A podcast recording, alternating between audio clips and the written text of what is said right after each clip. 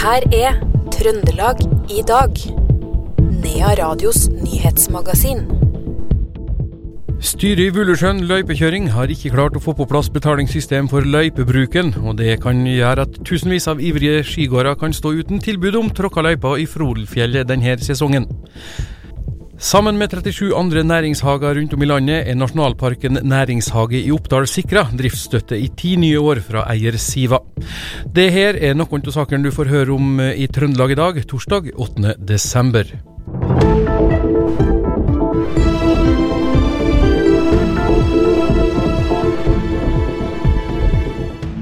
Først i sendinga i dag skal vi høre at tusenvis av skiløpere kan stå sporløs denne sesongen i Frolfjellet.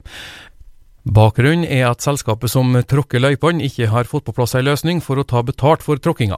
Styreleder i Vullesjøen løypekjøring, Ole Andreas Hustad, sier at de har både løypemaskin og folk som vil gå i løypene og betale for dem. Bakgrunnen er at vi har drevet Vullesjøen løypekjøring AS i tre år, og, og hatt en startkapital og gode sponsorer. Uh, og I den perioden så skulle vi komme over på en permanent betalingsmulighet for brukerne. Det har vi ikke fått på plass. Og Det betyr at vi ikke har midler til å kjøre, og da får vi ikke garantert for sponsorene at vi kjører. Så det betyr at vi har ingen inntekt. Vi har ikke fått til et system sånn at brukerne får til å betale når de er oppe på brukerløypene. Og det som er verst oppi her, i tillegg til at vi ikke får kjørt løypa, det er at brukerne sier de vil betale, men de vil ha et sånn enkelt system for å få til å betale. Vi har prøvd det året vi holdt på med VIPS, men det blir bare noen få som betaler. Og øh, Hva er det som er bakgrunnen for at dere ikke har fått på plass et sånt øh, system? Det er jo et samarbeid mellom øh, dem som driver veien. Vi, har, vi, mener at det skal være en mulighet for å ta inn en, et driftsbidrag sammen med bompengene i veien som skal gå til preparering av skispor og tilrettelegging i områder. Mens styret i veien mener at det er ikke lovlig, og det, det har vi da diskutert en del. jurister sier at det er et mulighetsrom, mens noen sier at det er det faktisk ikke. Så vi har ikke fått avklart om det er mulig. Det å ta med fri ferdsel, uh, som òg er et uh, poeng som har vært litt i media de siste åra angående ta med å ta seg betalt for at folk skal ut i det fri, så er det jo mange som setter seg på bakbena der, bl.a. en del miljøorganisasjoner. Men de har ikke den problemstillinga da, forstår jeg? Den har vi diskutert, og vi har full forståelse for at det skal være fri ferdsel. Vi kan ikke bruke friluftsloven, f.eks. noe lovverk for at vi kan kreve inn. Men friluftsloven er jo faktisk sånn at den skal også bidra til rettelegging. Og på departementsnivå nå så jobbes det med en justering av friluftsloven for det er klart at eh, den er til hinder for tilrettelegging. Og det var ikke meninga da den ble godtatt for mange mange år siden. Så problemstillinga som dukka opp nå med tilrettelegging med løyper bl.a., den vil nok endre seg, men det tar jo tid. Vi vet jo at når departementet skal ha høring osv., så, videre, så vil det ta tid. Er det håp om ei snarlig løsning, tror du? Eh, vi skal ha et møte med kommunen på mandag. Og da har ordføreren sagt at vi må prøve å finne en løsning. Eh, vi har fått noen signal om at det er en sånn midlertidig løsning for kommende vinter.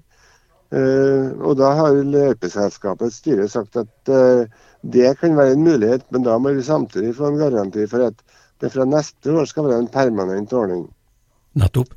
Men eh, hvor er det med løpa oppe i Vulesjøen i dag nå, da? Det er vel masse snø nå, og, og går tråkkemaskina, eller? Maskinen går ikke, eh, og det er nok snø til at det kunne vært kjørt løypa. Jeg vet at det er en del som er oppe og går med fjellski for å få til å bruke snøen. da. Men eh, nå blir det bare oppgått eh, løypemaskiner. Hun er låst inn i garasjen, og der blir jeg stående. Får de noen tilbakemeldinger fra dem som har brukt skiløypa så langt? Vi har fått eh, litt tilbakemelding gjennom oppslag i avisene og på Facebook, men det er veldig stilt i forhold til vet at det er flere tusen brukere. Og Det tror vi faktisk skyldes at vi for et år siden òg var litt i samme situasjon, at vi skulle prøve å få til en ordning. og, og Maskinen sto en kort periode, men så begynte vi å kjøre. Og Folk sier å det ordner seg vel, det blir vel kjørt. Så du ønsker deg egentlig mer tilbakemeldinger du nå da framover, fram mot møtet? Ja, Tilbakemeldinga er at de, eh, vi skulle gjerne ha fått flere til å være litt aktive for å si at eh, det er faktisk helt håpløst at det ikke blir kjørt, når det står i maskinen til tre millioner klart å bli brukt. Det sa styreleder i Vullusjøen løypekjøring, Ole Andreas Hustad. Sammen med 37 andre næringshager rundt om i landet er nasjonalparken Næringshage i Oppdal sikra driftsstøtte i ti nye år fra eier Siva, det statlige selskapet for industrivekst. Det betyr mye, sier daglig leder i Næringshagen, Asgeir Mæland. Det her eh, Opptaket i nytt næringshageprogram det gir oss jo en mulighet for å jobbe med utvikling sammen med bedrifter i Oppdal og Rennbu i ti nye år. Da. Nå har vi jo vært i program i ti år, og det her var på en måte nullstilt nå med en eh, eh, omfattende søknadsprosess. Og Så var vi så heldige å nå 1.12. å få beskjed om at vi har tatt opp for ti nye år. Mm. Hva betyr det? Altså, det betyr jo at uh, vi kan drive uh, rådgivningstjenester for bedrifter i regionen. Uh, og det, det, her tilskuddet, som du kan kalle det, er jo basert på at vi klarer å skape aktivitet. Det er jo ikke sånn at vi, vi får overført 2,4 millioner hvert år. Det er et tak som vi kan nå hvis vi har tilstrekkelig aktivitet. Så det er på en måte sånn etterutbetalt etter at vi har jobba med høy aktivitet med bedrifter. Mm, Hvordan er det dere jobber konkret eh, med bedrifter når vi nå snakker om omstillingsmidler? Ja, altså Det er jo et sånn stammespråk i, i denne innovasjonsstrukturen i Norge. Så, men det går jo, går jo, på bedriftsrådgivning på alt fra ja, starthjelp til omfattende, store utviklingsprosjekt. Så, så, det er nesten enklest å forklare det med å bruke noen eksempel uh, i, i, der vi har vært i samarbeid med bedrifter i regionen. Mm. Uh, så hvis du lar meg gjøre det, så ja, det skal, skal du få. Vær så god. jeg, jeg kan nevne noen som vi har, har hatt og, og jobber mye med. F.eks. så er det en, en sammenslutning av lokalmatprodusenter som heter Oppdalsmak og Fjell. Eh, der har vi jo eh, vært inne og hatt prosjektledelse. Eh, nå jobber vi med et trenettverk i Rennebu, der vi, vi hjelper ja, fem trebedrifter med å, å, få til en finansiering på et samarbeid som skal bidra til synergier mellom de her bedriftene. Vi har vært inne i strategiprosess med Ramaskrik. Har, I går så hadde vi et møte med Berkak Utvikling Øst, der vi skal jobbe med en slags sånn visualisering av, av de visjonene de har for utvikling av et næringsareal. Uh, ja, Vi har vært i akkurat hatt møte med Trollheim Kjøtt, som skal utvikle en ny slaktelinje, der vi er med på å skaffe finansiering. Vi har hatt et møte med en veldig liten bedrift som heter Vandreglede, der vi kobler dem til markedskompetanse. Det er bare et eksempel på hvordan vi jobber. Når dere jobber inn mot så mange ulike sektorer, så må jo det kreve at dere har en ganske bred kompetanse sjøl òg, for at, uh, ingen hverdag er vel lik rundt omkring? Nei, det, det har du helt rett i. og det å sette sammen sammen det her kompetansemiljøet her er jo en kjempespennende oppgave for meg som daglig leder. For det er nettopp til at vi må være poteter, eh, og vi skal på en måte være minst et steg foran på veldig mange fagområder og i mange bransjer. Eh, og det er et sånn spennende puslespill. Eh, og så er det jo også en erfaring som utvikles etter hvert som vi jobber med mange spennende bedrifter i regionen. Mm, så vet jo dere har vært en katalysator i forhold til å gjøre fritidsnæringa enda grønnere gjennom denne grønne hytte ja, Du må hjelpe meg hva det heter, det er konferansen ja. deres igjen. ja, ja, Grønn hyttelab er jo ja. den nasjonale konferansen. Uh, og, det som, og, det har jo vært viktig for oss uh, som en slags sånn posisjonering nasjonalt. Men det aller viktigste er at vi har klart å få til regionale eksempel på hvordan vi kan jobbe med mer bærekraftige løsninger innen uh, hyttenæringa og hytteutvikling.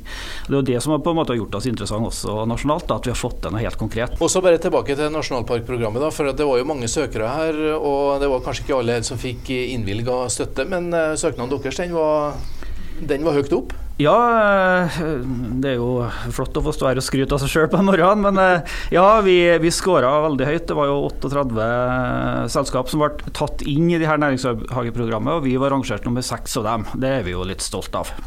Det sa daglig leder i Nasjonalparken næringshage Asgeir Mæland til intervjuer Per Ole Aalberg i Radio E6. En mann som i natt forsøkte å ta seg inn i ei bod i Steinkjer ved hjelp av et brekkjern, er oppspora av politiet. Han ble funnet etter at politiet fulgte sporet hans i nysnøen. Mannen måtte erkjenne forholdet. En servicebåt fra Åkerblå gikk på grunn i sundet mellom Nesset og Utjan i går kveld. Driftsdirektør Jørund Larsen sier til NRK at de fikk kontroll på situasjonen, og det var en båt som drev med prøvetaking, og fjæra kom litt brått på. Når floa kom litt senere, så skulle de prøve å få båten av grunna, sier han. Flere linjer hos AtB ble innstilt pga. krevende kjøreforhold i går kveld. Busser sto flere plasser i byen, både på Stavset, Hotelienborg og Strindheim, sier Grete Oppsal, kommunikasjonsdirektør i AtB. En bilfører i 30-åra havna i går kveld i elva Orskla etter et trafikkuhell i Meldal. Politiet opplyser at mannen kom seg ut av bilen sjøl. Han ble frakta til legevakta i Orskanger for sjekk.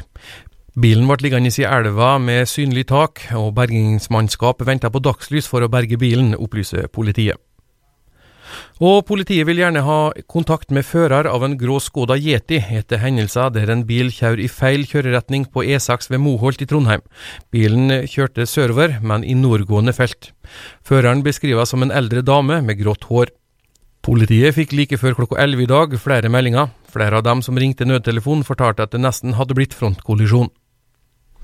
En utenlandsk mann i 50-åra er anmeldt for uaktsom kjøring etter en forbikjøring på E6 i Voldsdalen i formiddag, der en bilfører i motgående kjørefelt måtte kjøre i grøfta for å unngå kollisjon. Det skriver bladet. Føreren av bilen som havna i grøfta er en mann bosatt i Stjørdal, og han kom uskadd fra hendelsen. Ulykka skjedde like ved avkjøringa etter Krøkesberget. Det var front-mot-front-ulykke på E14 ved Kopperå mellom en lastebil og en personbil, melder politiet. En av de involverte kjøretøyene skal være en hestetransport. Fører av personbilen er tatt med til legevakta med uavklart skadeomfang. Det var trafikkdirigering i ett felt på stedet, med redusert framkommelighet. Gruppeleder for KrF i Trondheim, Geirmund Lykke, ønsker å gi rabatt for hjemmekompostering, skriver Adresseavisa. Lykke har sett på de nye planene for henting av avfall i byen. Han reagerer på at mange av turene er for henting av matavfall, og sier at hjemmekompostering kan redusere antall turer, og bør derfor belønnes. Torsdag skal politikerne i Trondheim ta stilling til om kildesortering av matavfall skal innføres for alle husholdninger i byen. En skolebuss fra Beistad til Egge ungdomsskole i Steinkjer krasja i dag morges med et busskur. Det skriver Trønderavisa. Ifølge rektor på skolen ble ingen barn skadd i hendelsen. Kun en gutt klaga på ei vond skulder. Det var bakenden på bussen som traff skuret, og mange passasjerer fikk glasskår i fanget. Ei kvinne fra Steinkjer ble dømt til 75 timers samfunnsstraff etter at hun underslo i overkant av 100 000 kroner fra en bedriftsidrettslagskonto i ei bedrift på Innherred, skriver Thea. Straffen ble satt til 75 timers samfunnsstraff med en gjennomføringstid på 120 dager. Kvinna vedtok dommen på stedet. Den finske midtbanespilleren Santari Vananen er klar for RBK. Finnen har signert en fireårskontrakt med klubben. Vananen sier til rbk.no at det er fantastisk å komme til Trondheim og få møte folket i klubben, og han kan ikke vente på å komme i gang med jobben i januar. 25.11.1942 ble 13 år gamle Sissy Klein sendt til Auschwitz, hvor hun endte sitt liv mars året etterpå. Denne sterke historien har nå kommet mellom to permer, og forfatter Geir Svardal sier at det er en historie det er lett å identifisere seg med. Ja, boka 'Ingen skal få se at jeg gråter' som heter, handler om 13 år gamle Sissy Klein, en jødisk jente som bodde på Museumsplass i Trondheim sentrum. Eh, som på morgenkvisten 25.11.1942 ble henta av to norske politimenn fra det tysk-nazifiserte statspolitiet i klasserommet sitt på Kalvskinnet skole, ført tilbake til sin egen leilighet, senere på kvelden deponert, deportert fra Trondheim til Oslo, og deretter til Auschwitz, hvor hun ender sitt liv 13 år gammel, eh, natt til 3. mars 1943. Det er historien om Sissi jeg forteller da i denne boka her. Det er jo en ganske sterk historie? Det er en sterk historie som egentlig de aller fleste holocaust-historiene jo er. Det spesielle med historien her, da, eh, om Sissi som sitter på en benk i Museumsparken i Trondheim, rett under vinduet til leiligheten der hun bodde, og i byen er en ganske kjent eh, skikkelse etter hvert, er vel det faktum at hun er så ung, og det er en historie som er lett å identifisere seg med for både unge og gamle. Jeg har jo sjøl uh, omtalt som, uh, ikke den første, men omtalte som en slags norsk Anne Frank. Noe hun i og for seg er, men ikke er òg. Hun lå jo aldri i dekning, Sissy Klein, men hun en form, hadde en slags form for husarrest de siste ukene på trondheimsk jord. Men det, det er en Anne Frank og Sissy Klein er iallfall lett å identifisere seg med for mange, og sånn sett da en symboler på holocaust, kan du si. Nettopp. Men øh, hvor uh, Ja, det er jo så mye en kan spørre om. Men, men uh, var det ingen Altså, var, var hun alene? Var det, det var det spørsmålet som dukka opp? Nei da, er ikke alene. Eh, boka er Altså, hun, hun, blir, hun, blir, deportert sammen med sin, eh, sin, mor og sin far og bror, Abraham. Mora overlever krigen. Det er en, på, på, det, på, det, mest uh, unike vis. Det skriver jeg om i boka også, men, men, men hun, hun, er sammen med sin bror og, og, og sin far. Da. Og Historien er jo spinna rundt uh, Sissi som barn og hennes oppvekst. Dette er jo en bok som på mange måter ender trist, naturligvis, men, eh, men den er også en bok som har, eh, som har optimisme, som har drømmer, som har glede så lenge det varer. Og den er spunnet rundt uh, min, uh, mine intervjuer opp gjennom årene med, med Sissi sine barndomsvenninner. Hun var navet i en venneflokk på, på fem, hvorav én av disse vennene nå er fortsatt i live. Gunvor Moxnes heter hun, er 93 år gammel. De andre har gått bort de siste to-tre årene. Så dette er en bok jeg har holdt på med litt over tid, har lagt den til side av forskjellige grunner. men en bok som ville vært vanskelig å skrive i den formen den har nå, hvis ikke jeg hadde gjort de intervjuene jeg gjorde for en del år siden. da. Dette er en viktig historie å fortelle, og det er jo det du gjør nå. Nå er du på turné. Fortell, hvor er det folk kan oppleve deg? Jeg er på forskjellige biblioteker, videregående skoler, eh, kulturhus i, i, i Midt-Norge, Trøndelag, og, og forteller om, om, om Sissi. da. Vært på Røros for en liten stund siden. Skal fortsette denne turneen etter jul, faktisk, til sju forskjellige plasser da også. Så har jeg også fått lov til å fortelle om Sissy Klein på TV 2. Det, så den historien er, begynner å bli er, Det er veldig fint da, å få, få eksponert Sissys historie på denne måten her. Trøndelag i dag, torsdag 8.12, fikk du fra Odd Arne Hardås.